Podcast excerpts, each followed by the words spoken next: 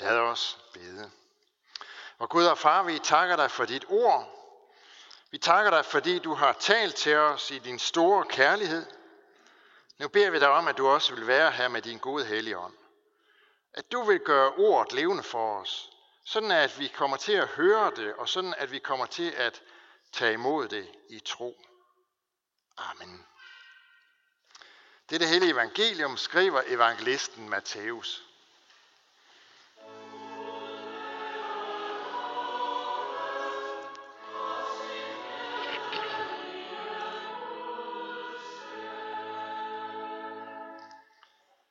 Jesus sagde, da skal himmeriget ligne ti brudepiger, som tog deres lamper og gik ud for at møde brudgommen.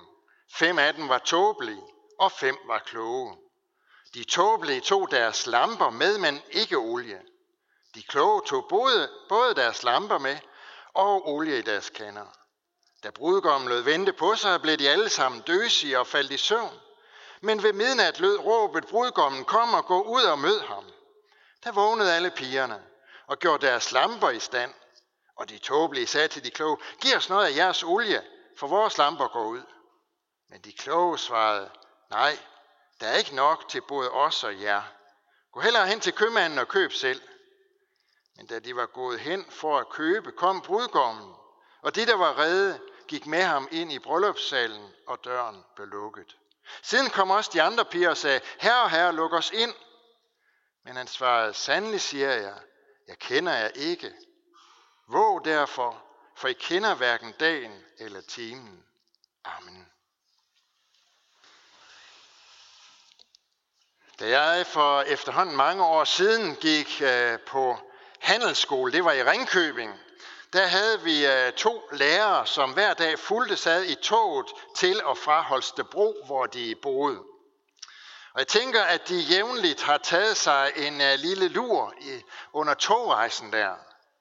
Nu skete der så det en dag, hvor de begge var på vej, at de begge faldt i søvn. Men den ene af dem vågnede kort før Holstebro, og i stedet for at vække den anden, så tog han lydløst sine ting og stod af toget for så næste dag, til stor morskab for os elever, at fortælle, at den anden var fortsat til struer, inden han var vågnet op. Det var jo sådan set ikke ret særlig pænt gjort, men vi morer os nu godt, og så har på, historien jo den pointe, at selvom man har fået godt begyndt på rejsen, og er kommet med toget, og også er kommet med det rigtige tog i den rigtige retning, så er man ikke nået målet. Det er noget af det samme, Jesus han fortæller os med lignelsen, som vi hørte her lige før. Der var ti brudepiger, som alle sammen var opsatte på, at de skulle til bryllup. De havde glædet sig. De havde set frem til bryllupsfesten. Måske havde nogle af dem også skrevet en lille sang, eller måske endda forberedt sig på, at de skulle holde en lille tale ved brylluppet. De havde taget deres fineste tøj på. De var klar til at gå til bryllup. De var godt begyndt.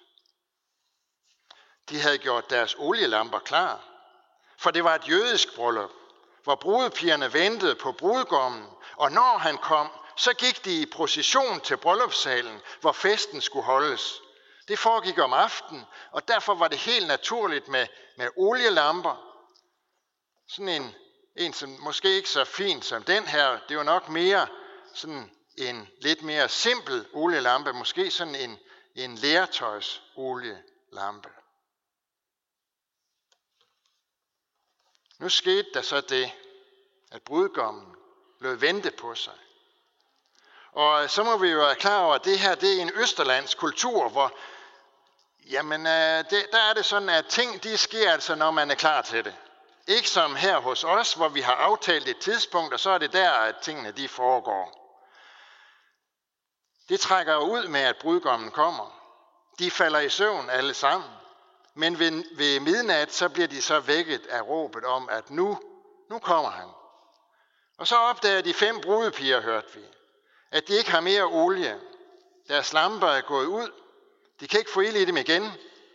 Først prøver de, om de kan låne lidt olie ved de fem, som har sørget for at have ekstra olie med, men det bliver afslået, fordi det er jo bare ind med, at der ikke er nogen af dem, der har nok. Der er altså ikke andet at gøre. de må afsted til købmanden for at købe mere olie. Og mens de er afsted, så kommer brudgommen, går ind til bryllupsfesten sammen med de fem, som havde, deres, øh, havde der olie i deres kander og lys i lamperne, og døren bliver lukket, og de fem, som var gået på indkøb, må blive udenfor. Sådan er det, Jesus han fortæller historien, lignelsen. Og pointen, ja, vi kan, der er ikke så meget at være i tvivl om. At selvom man er godt begyndt, for det var de jo alle de her ti brudepiger, så er man ikke nået målet. Det kender vi fra så mange situationer i livet. For eksempel også togrejsen, som jeg fortalte om før. Men når Jesus han fortæller historien, så lægger han ikke skjul på, hvorfor det er, han fortæller den, og hvad det er, han mener. Det handler om himmeriget. Det gør det altid, når Jesus han fortæller lignelser. Det handler om livets rejse. Og også her gælder det, at godt begyndt er ikke fuldendt. Selvom man har begyndt rejsen i den rigtige retning, og med den rigtige udrustning, så er målet ikke nået. Lad os se lidt nærmere på, på nogle af lagene i Jesu lignelse. Han fortæller altså om en brudgom, som kommer. Det er det billede, som Jesus han gentagende gange bruger, når han skal illustrere, hvordan han en dag vil komme igen for at oprette Guds evige rige blandt mennesker. Så sammenligner han det med en bryllupsdag. Det er festligt. Der er glæde. Der er vel sådan set ikke nogen fest, som er så fyldt med glæde og så festlig som netop et bryllup. Der er forventning. Der er højt humør over hele linjen. Der er glæde, der er sang, der er dans. Og sådan skal det være den dag menneskesønnen kommer for at hente sin brud. For det har han sagt, at han en dag vil gøre. Lige nu, der befinder vi os, som nævnt, i, i adventstiden. Og advent, det, det betyder jo ventetid. Vi venter. Vi venter på jul. Adventstid er også forberedelsestid. Og derfor forbereder vi os også på at skulle fejre, at Jesus kom til jorden, blev født i en stald som et rigtig lille menneskebarn. Med teksten i dag får jeg der endnu et perspektiv til ventetiden og forberedelsestiden, for vi venter, vi forbereder os også på, at Jesus engang igen skal komme til jorden. Han har sagt, han vil gøre det. Det kan virke uvirkeligt, men vi har hans ord for det. Og sådan bekender vi det faktisk jo hver eneste søndag, når vi synger trosbekendelsen. Opfart til himmels, synger vi. Siddende ved Gud Faders, den almægtiges højre hånd, hvorfra han skal komme at dømme levende og døde. Han skal komme at dømme levende og døde. Helt fra kirkens allerførste tid har kristne levet i forestillingen om, at en dag, så vil det her blive virkelighed. En dag vil det ske. En dag vil, det, vil der indtræffe det, at Jesus han kommer igen her på jorden. Måske fristes vi til at tænke, ja, det kan godt ske, men nu er det gået så lang tid, at det her, det er vist ikke helt aktuelt mere. Men faktisk, så er det jo lige netop det, som Jesus han forbereder os på ved at fortælle den her lignelse. Brudgommen lod vente på sig. Sådan siger han. Det kan man da roligt sige, når det nu er gået 2000 år. Det er lang tid, men alligevel skal det ikke få os til at glemme. Det var sådan her, Jesus han, sag, han talte. Det var det her, han stillede os i udsigt. Det første lag handler altså om, at Jesus en dag kommer igen til jorden, og at det skal være en glædens dag, og at vi er bragt i venteposition. Det næste lag handler om, hvad der skal ske den dag. Og her er glæden knap så i øjnefaldene.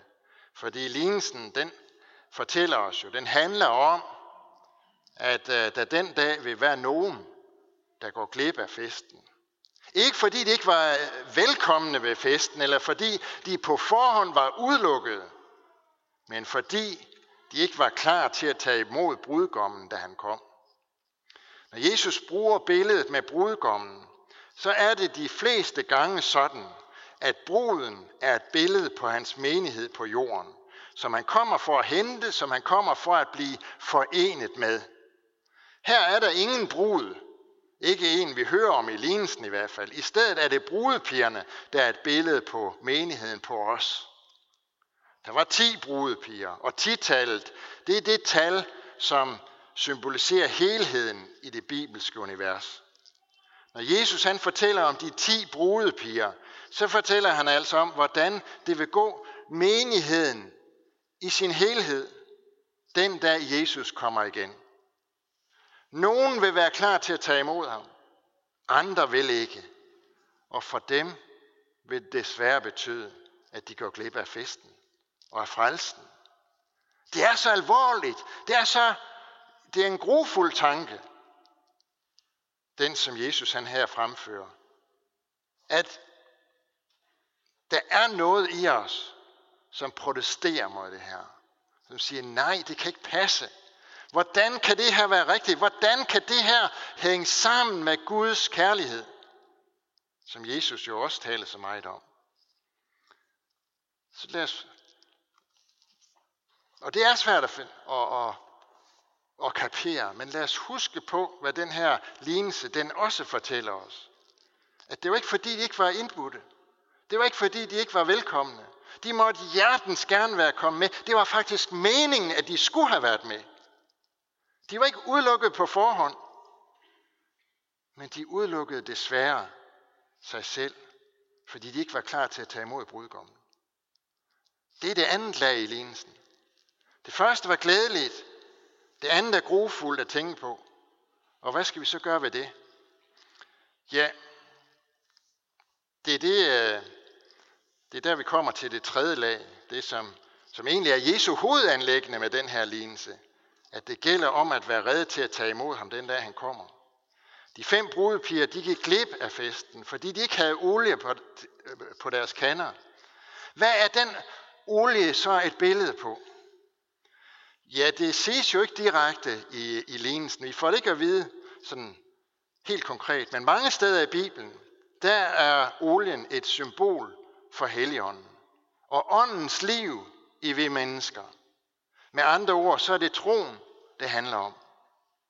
Hvis vi skal skære det ud i pap, så er det ingen tvivl om, at det, som Jesus han vil sige til os med den her lignelse, det er, at når det gælder frelsen, så er det ikke nok, at du er medlem af folkekirken. Så er det ikke nok, at du er blevet døbt, at du går i kirke om søndagen, at du er aktiv i menigheden, at du går ind for trosbekendelsen.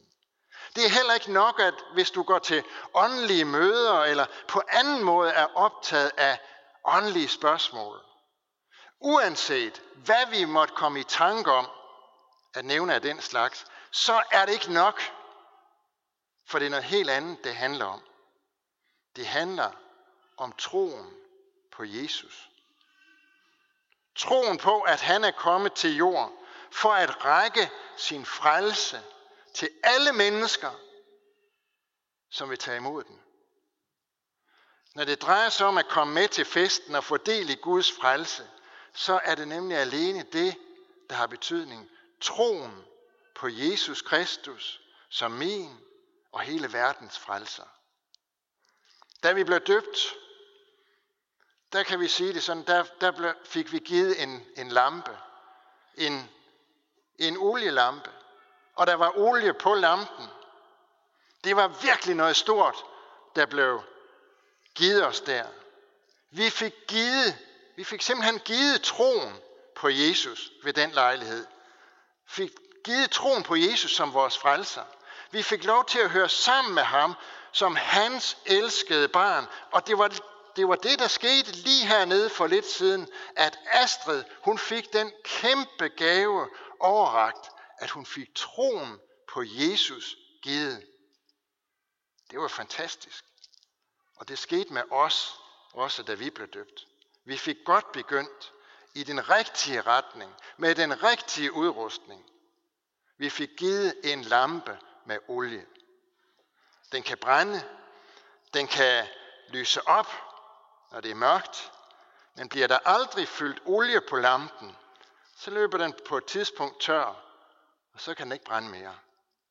Hvordan får man olie på lampen?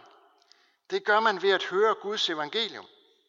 Det gør man ved at høre om Guds nåde, om hans frelse, af fortabte sønder, og det er sådan nogen som os. Sådan at troen kan vokse, og sådan at troens flamme kan brænde. Derfor, når Jesus han fortæller den her lignelse, så er hans ganske enkle spørgsmål til, til hver enkelt af os.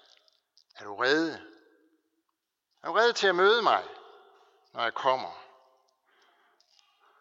Og det handler sådan set ikke øh, bare om fremtiden og om en uvis dag, det her, som vi kan have svært ved at forestille os og forholde os til i sådan en moderne verden, som vi lever i. Det handler, om, det handler faktisk om nutiden. Det handler lige nu, det her. Fordi det er jo med den her sag, ligesom det er med et, øh, et falkabonnement for eksempel. At det nytter ikke noget, at jeg skal til at tegne det falkabonnement, den dag, hvor bilen den holder i garagen og ikke vil starte. Hvis jeg vil have hjælp den dag, så skal abonnementet være tegnet på forhånd. Jesus opfordrer os til i dag at tegne abonnement på Guds rige. Og det gør vi ved at tro ham og leve livet i tro på ham. Leve livet i tro på, at han er verdens frelse, fordi han led døden på et kors for at zone vores sønder. Og derfor kan han tilgive alt, hvad der måtte stå mellem Gud og os og give os adgang til Guds evige rige. Det er sådan, man har olie på kanden og lys i lampen ved at tro på Jesus Kristus. Og man kan ikke få det på nogen anden måde. Amen.